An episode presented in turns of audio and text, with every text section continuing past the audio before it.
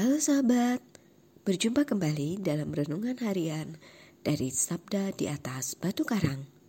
Hari ini, Kamis 19 Januari, merupakan hari biasa pekan yang kedua.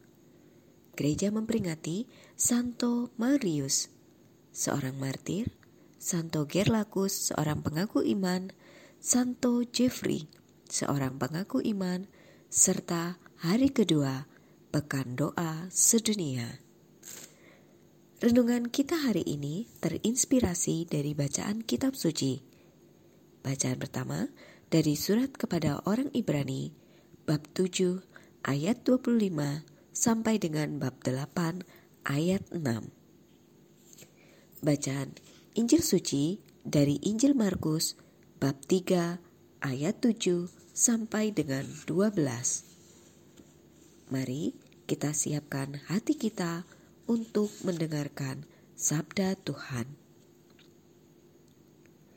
Sekali peristiwa, Yesus menyingkir ke Danau Galilea bersama murid-muridnya, dan banyak orang dari Galilea mengikuti Dia.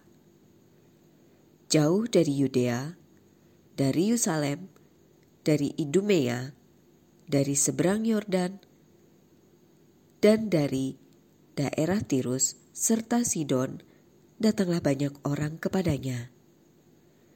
Sesudah mereka mendengar segala yang dilakukannya, karena orang banyak itu, Yesus menyuruh murid-muridnya menyediakan sebuah perahu baginya, jangan sampai dia terhimpit oleh mereka. Sebab Yesus menyembuhkan banyak orang, sehingga semua penderita penyakit berdesak-desakan ingin dijamah olehnya. Bila mana roh-roh jahat melihat Yesus, mereka jatuh tersungkur di hadapannya dan berteriak, "Engkaulah Anak Allah!" Tetapi dengan keras, Yesus melarang mereka memberitahukan siapa Dia. Demikianlah sabda Tuhan. Terpujilah Kristus. Saudara-saudari yang terkasih, jika ada selebritis yang terkenal atau sang idola, maka para fans tak segan-segan untuk mengejar dan menemuinya. Untuk apa mereka mencari idolanya?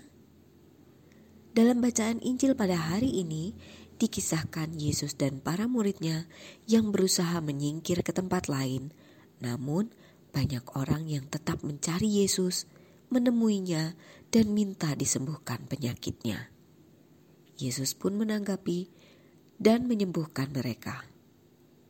Meski kaum Farisi membenci dan berusaha membunuh Yesus, namun banyak orang sangat menghargainya, sehingga mereka mencari dan mengikuti Yesus ke mana pun ia pergi.